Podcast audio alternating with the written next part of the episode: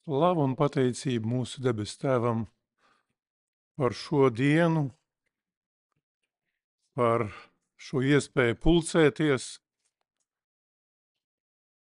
par to, ka mums šodien ir sevišķi dievkalpojums, viens no vissvinīgākajiem septītās dienas adventis dievkalpojumiem, svētā vakarēdiena dievkalpojums. Es ar lielu prieku un ar ļoti siltām jūtām esmu pie jums, tāpēc ka septītā draudz ir tuvu manai sirdī gan no bērnības, gan arī vēlāk. Ir pieņemts novēlēt kaut ko labu jaunā gadā. Un es kopā ar apostulu Pāvilu gribētu novēlēt jums visiem Dieva mīļotiem, aicinātiem, svētajiem, žēlastība jums un miers no Dieva, mūsu Tēva un Kunga Jēzus Kristus. Šodien es gribētu kopā ar jums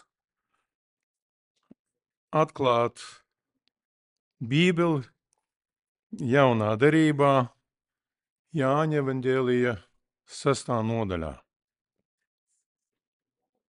Un kā pamatpantu es esmu izvēlējies 53. pantu no šīs sestās nodaļas. Jāņa evaņģēlija 6, 53. Bet Jēzus tiem sacīja, patiesi, patiesi es jums saku. Ja jūs neēdat cilvēka dēla miesu un nedzerat viņa asinis, jums dzīvības nav sevi.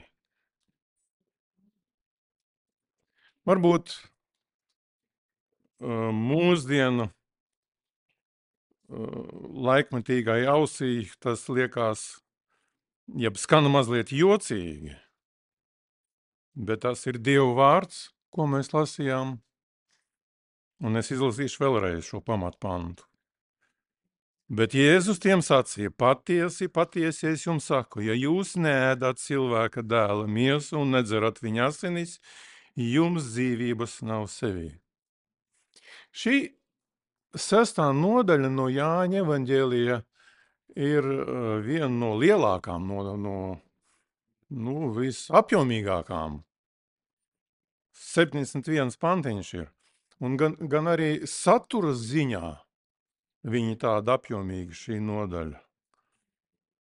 Tiberijas apkaimē 5000 tika pabaroti. Un viņi tika pabaroti tikai ar piecām maizēm un divām zivīm. Un vēl 12 grozi tika savākti, kas bija palikts pāri. Un nav sevišķi brīnums, ka tie, kas ņēma dalību jeb kas bija dalībnieki šajā brīnumā, tas ir brīnums, meklēja Jēzu atkal. Jo viņi vēlējās, kā mēs lasām 15. pantiņā, ar varu ņemt un celt par ķēniņu. Būtu jauki, ja būtu tāds ķēniņš, kas katru dienu tā no piecām maizēm var pabarot 5000 cilvēkus. Es domāju, ja šodien kāds būtu vēlējies tādu uh, ķēniņu, tad tas būtu pilnīgi saprotams. Bet Jēzus manīdams, ka viņi taisās nākt, lai viņu ar varu ņemtu un celt par ķēniņu, viens pats atkal uzkāpa kalnā. Tas ir sestā nodaļā. Mācekļi redzēdam skolotāju, ejam pa vētrā, trakojošo jūru nobijās, bet Jēzus viņus nomierināja. Vēl viens brīnums, ko nevar uh, loģiski paskaidrot. Viņu skolotājs, viņu meistars iet pa ūdeni. Un kad viņi nobijušies sauc uz savu skolotāju, viņš tos nomierināja Un tūdaļ laiva sasniedza malu, kurp tie brauc. Tie, kas vakar bija paēduši, atkal meklē Jēzu, un tas nav nekāds pārsteigums, tāpēc kā arī šodien, ja mēs kaut kur varētu piedalīties piknikā pa brīvu, diezgan ticams, ka arī nākošā dienā mēs gribētu atkārtot tādu pieredzi. Tieši tas notikās tad.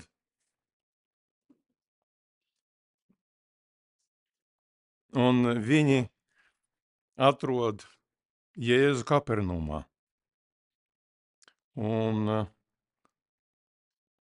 visa šī nodaļa ir par to, ka Jēzus mēģina kaut ko atklāt cilvēkiem, kaut ko ļoti svarīgu, bet viņi it kā stūrgalvīgi mēģina nesaprast un nepieņemt to, ko Jēzus viņam grib teikt. Un viņiem atrodot uh, Jēzu Kapernumā, viņiem tāds ļoti svarīgs jautājums. Kad tu atnāc šurp? Kā, kā tu uz šajien tiki? Jēzus, redzot šo nevēlēšanos saprast, neatbild tieši uz viņa jautājumu, kā tu esi šeit kļu, nokļuvis. Un viņš mēģina runāt tieši par, tieši par to, kas ir, kas ir tiešām svarīgs. 27. pantaņā mēs lasām, uzņemiet sevī nevis iznīkstošo barību, bet barību, kas paliek mūžīgai dzīvībai, kuru jums dos cilvēka dēls, jo Dievs tēvs viņu ir apzīmogojis.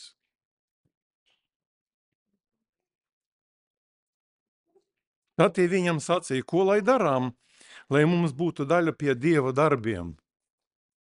Nu, it kā, it kā tas dialogs sāk kaut kā noformēties, kad, kad kāds, nu, vismaz daudz maz loģisks jautājums viņam rodās. Un šeit Jēzus patiešām atklāti, taisni, nevis kaut, kā, kaut kādiem mājieniem runā par to, kas tiešām ir svarīgi. 29. pantiņā. Jēzus atbildēja viņam, tas ir Dieva darbs, ka jūs ticat tam, ko viņš ir sūtījis. Ticiet tam, ko viņš ir sūtījis. Ticiet man. Un, lai cik mums tas nešķistu dīvaini, tie, kas bija piedalījušies, burtiski bija pied, piedalījušies šajā brīnumā ar paēdināšanu,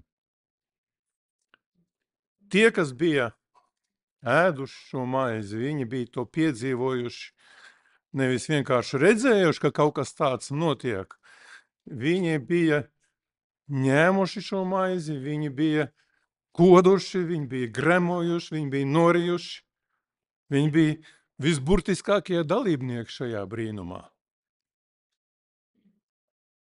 Bet viņi it kā pieprasa vēl kaut kādu zīmi no, no no šī mācītāja, no Jēzus. Un viņi it kā runājot par eh, mannu no debesīm, it kā mūzu nostāda mazliet augstāk. It kā, nu tomēr, eh, mūzus katru rītu deva šo maizi, kas krit no debesīm. Un it sevišķi tas bija no nekā. Šeit tomēr eh, Jēzus tikai pavairoja to maizi. Nu jā, bija tikai piecas maizītes, bet viņš pavairoja.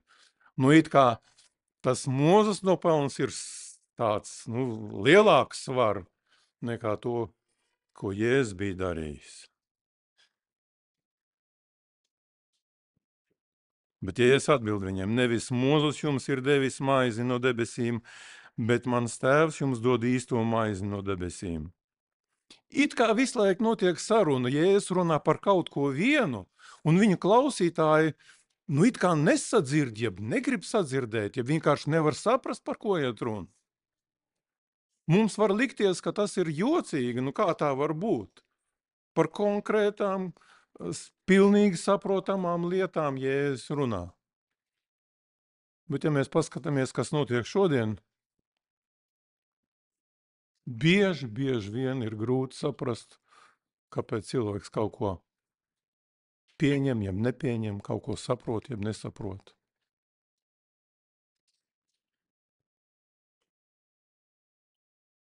Nāk prātā teiciens, ka desmit visgudrākie profesori nevar iemācīt vienu neieinteresētu un slinku studentu. Ja viņš negrib iemācīties, tad viņi arī nevarēs iemācīt.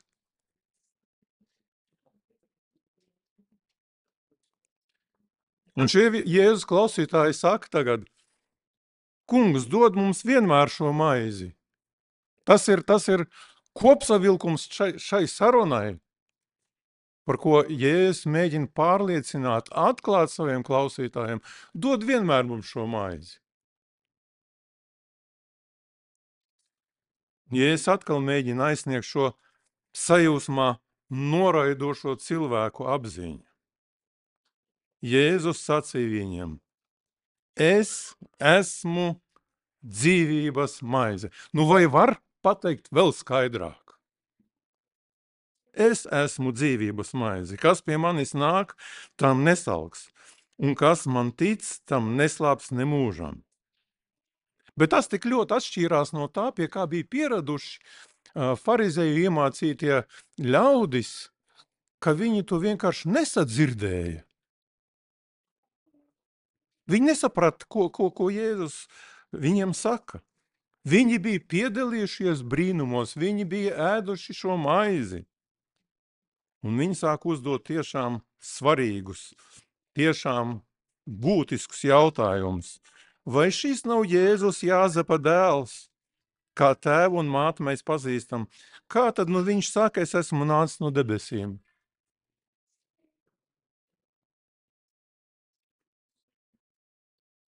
Dažreiz saka, ka tas ir kā saruna kurlais ar, ar mēmo. Viens nevar pateikt, ko viņš grib, otrs negrib sadzirdēt.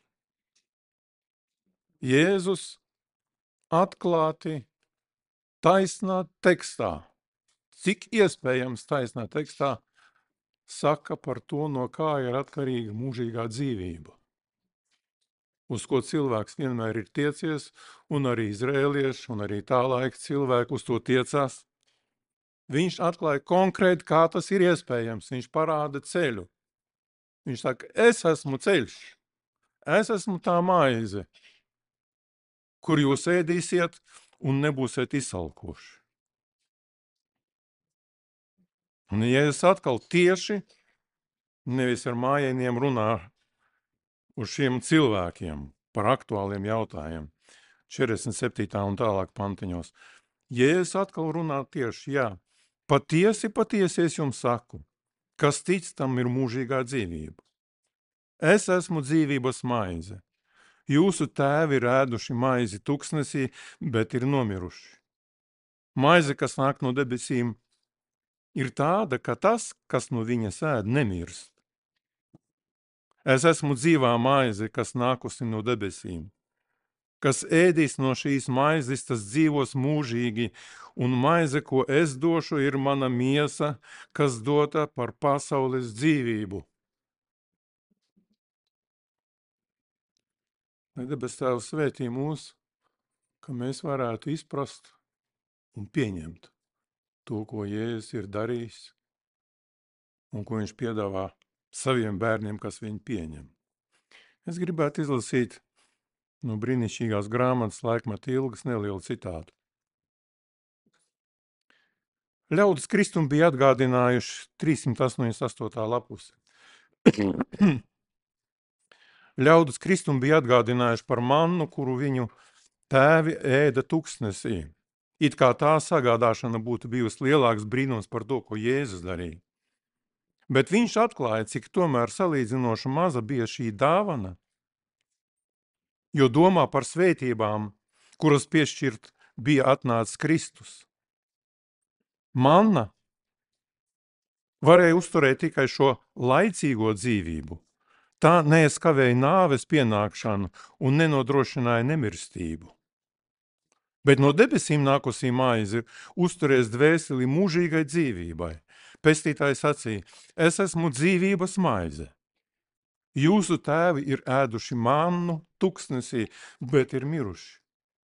Maize, kas nāk no debesīm, kas no debesīm nāk, ir tāda, ka tas, ko no viņas ēd, nemirst.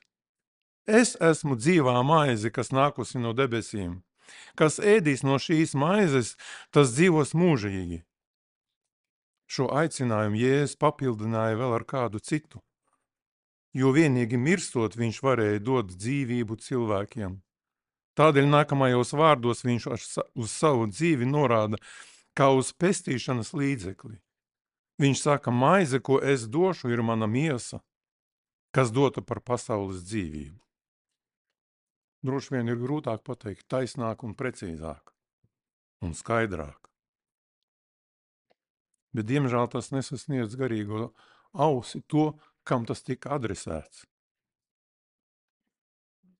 Tiešām tiem, kurus Jēzus centās sasniegt. Ne jau gremošanas traktu, ko sasniedz burtiskā maize, ar kuru tika paēdināti 5000 cilvēki. Ne jau to gribēja Jēzus panākt. Jā, tas bija kā blakus produkts. Jā, cilvēks varēja justies labāk, ka viņš ir paēdis. Bet ne jau tas bija mērķis. Bet mērķis bija paša garīgā būtība, cilvēka dvēsele.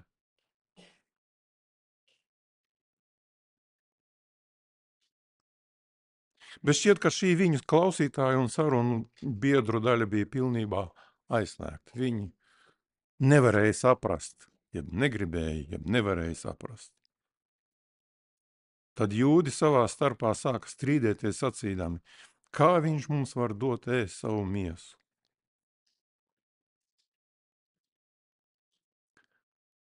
Šodien, kā jau minēju, mums viss svinīgākais dievkalpojums, svētā vakarēdiena dievkalpojums,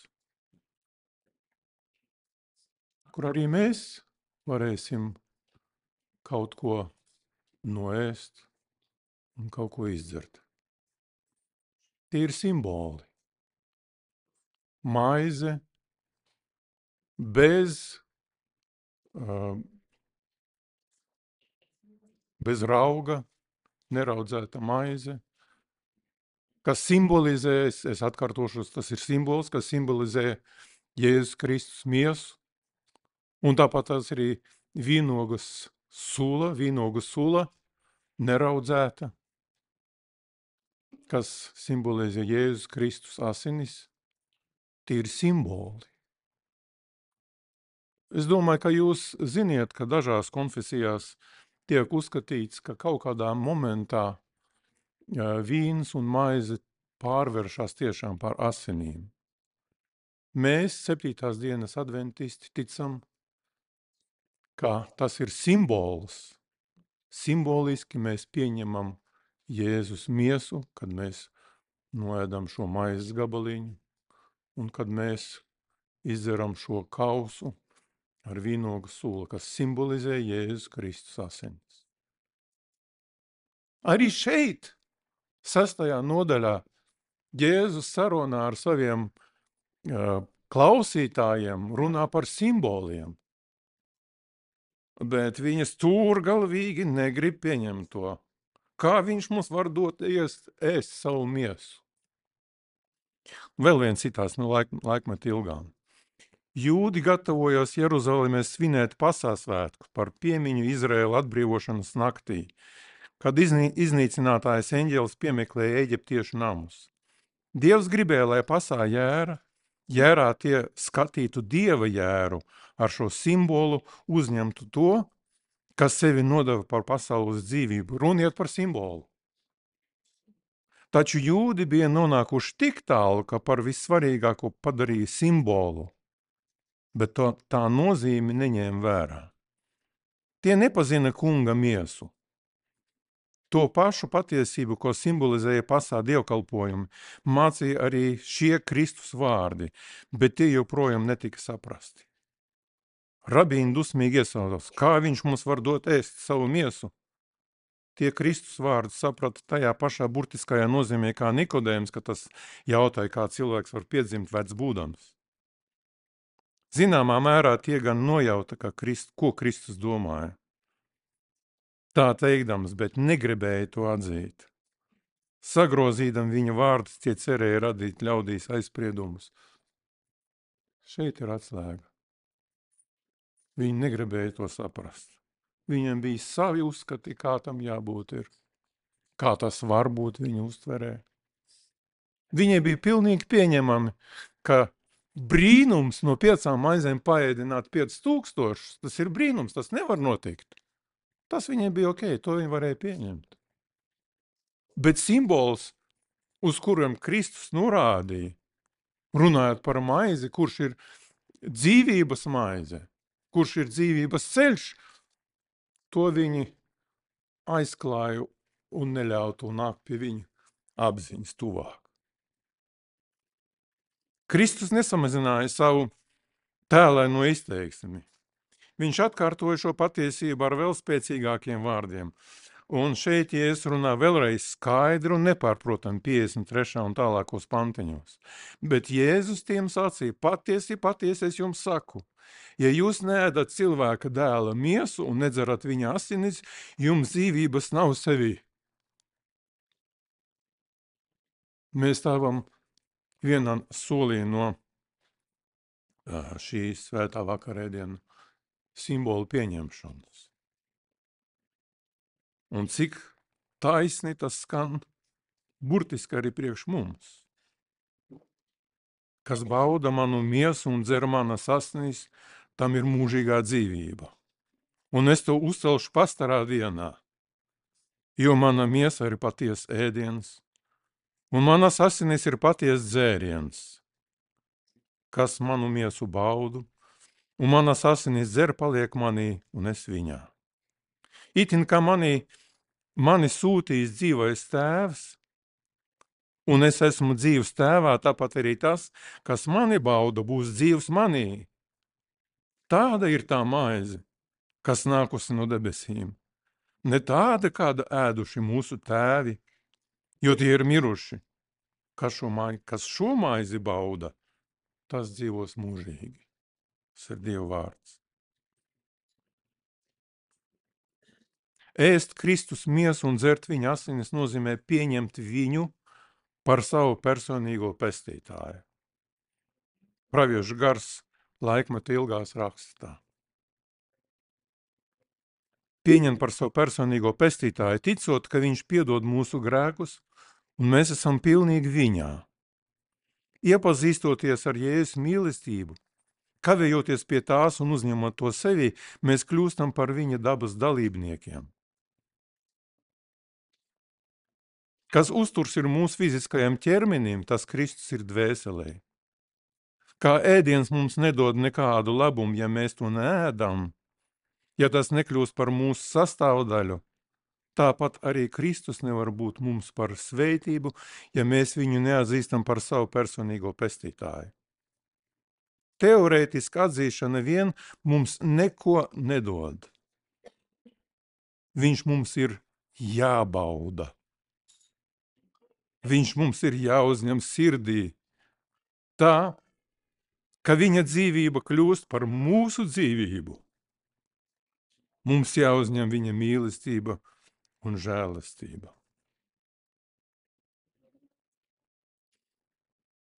Dažreiz jautājums paceļās,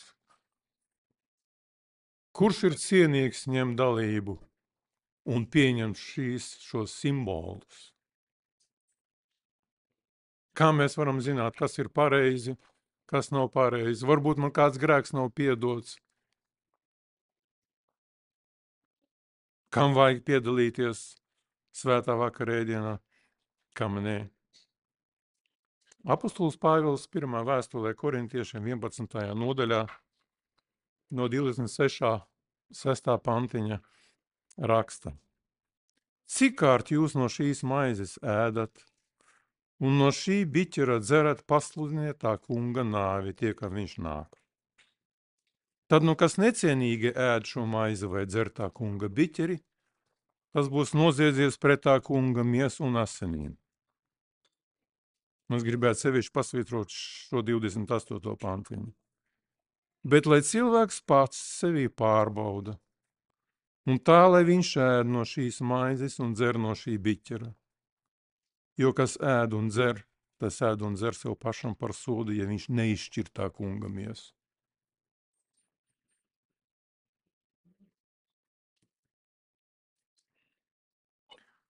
Septītās dienas adventisti, sekojot tam, kas rakstīts Bībelē, arī um, praktizē tā saucamo pazemības kalpošanu. Starp citu, Bībelē diezgan daudz panti ir atvēlēti tam, ko mēs varam lasīt 13. nodaļā Jāņa evaņģēlijā, sākuma pantiņos. Un ja salīdzina ar to, cik daudz Bībelē ir uh, rakstīts konkrēti par pašu vakarēdienu, par maizi un par vīnu, tad diezgan liela daļa salīdzinoši ir tieši par šo pazemības aktu, par kāju mazgāšanu. Un es gribētu lūgt, lai Ra Raivis tagad pirms mēs uh, sāksim, mēs sāksim dalību šajā uh, mūsu kalpošanas daļā, izlasīt šos pantiņus no 13. nodaļas Jāņa evaņģēlijā.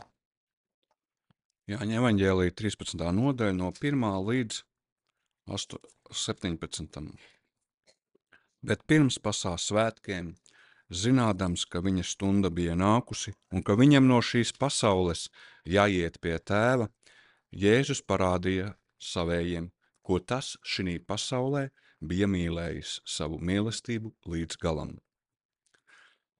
Vakariņa sēdot, kad jau vēlns jūdam Sīmaņa dēlām izkarjotam bija sirdī iedevis viņu nodot, zinādams, ka tēvs visu bija licis viņa rokās un ka viņš pie dieva aiziet, kā viņš no dieva ir nācis, Viņš ceļas no vakariņām, noliek drēbes, ņem priekšautu un apsien to. Pēc tam ielej ūdeni traukā un sāk mācekļiem kājas mazgāt, un tās žāvēt ar priekšautu, ko viņš bija apsējis. Kad viņš nāk pie sīmeņa Pētera, tas viņam saka, kungs, vai tu man mazgāsi kājas? Jēzus atbildēja viņam, Ko es daru, to tu tagad nezini, bet pēc tu to sapratīsi. Pēters viņam saka, ne mūžam tu man nemazgāsi kājas. Jēzus atbildēja viņam, ja es tev nemazgāšu, tev nebūs daļas pie manis. Sīmanis Pēteris saka viņam, kungs, nevien manas kājas, bet arī rokas un galvu. Jēzus saka viņam, Kas ir mazgājies, tam nevajag vairāk, kā vien kājas mazgāt, jo viņš viscaurēm ir tīrs. Arī jūs esat tīri, bet ne visi. Jo viņš pazina savu nodevēju, tāpēc viņš sacīja, ne visi jūs esat tīri. Kad nu viņš viņu kājas bija mazgājis, viņš paņēma savas drēbes un atkal apsēdās. Tad viņš sacīja, vai jūs zināt, ko es esmu jums darījis? Jūs mani saucat, mācītājs un kungs, un jūs pareizi darat, jo es tas esmu. Ja nu es jūs, kungs un mācītājs, esmu jūsu kājas mazgājis, arī jums pienākas cits citam kājas mazgāt, jo es jums priekšzīmi esmu devis, lai jūs darītu kā es jums esmu darījis. Patiesi, patiesi es jums saku, kalps nav lielāks par savu kungu, ned sūtnis lielāks par to, kas viņu sūtījis. Ja jūs to zināt, svētīgi, ja jūs esat, ja jūs tā darāt.